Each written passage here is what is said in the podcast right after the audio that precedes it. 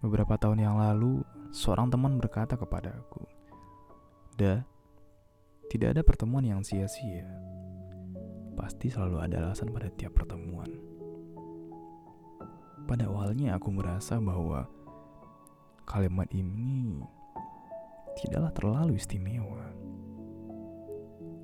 Namun seiring berjalannya waktu, perlahan dalam perenungan, aku mulai menyadari kadang memang ada orang-orang yang dihadirkan untuk memberikan rasa sakit, kekecewaan, dan bahkan tidak jarang hanya dihadirkan untuk membawa luka.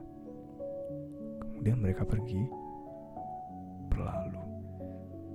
Sebagian lainnya datang untuk memberikan canda tawa, harapan, kenangan indah.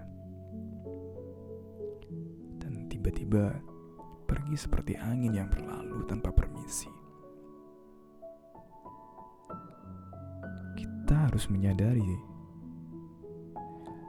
hidup ini seperti sebuah misteri. Teka-teki dengan kesulitan tingkat tinggi yang selalu saja memberikan kejutan.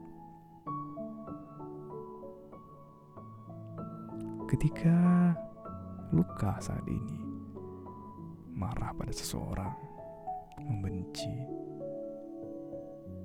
bahkan tidak jarang menyisakan dendam, tentu bukanlah menjadi hal yang bijak untuk selalu menggerutu, memaki, atau membuat hari semakin menjadi lebih buruk.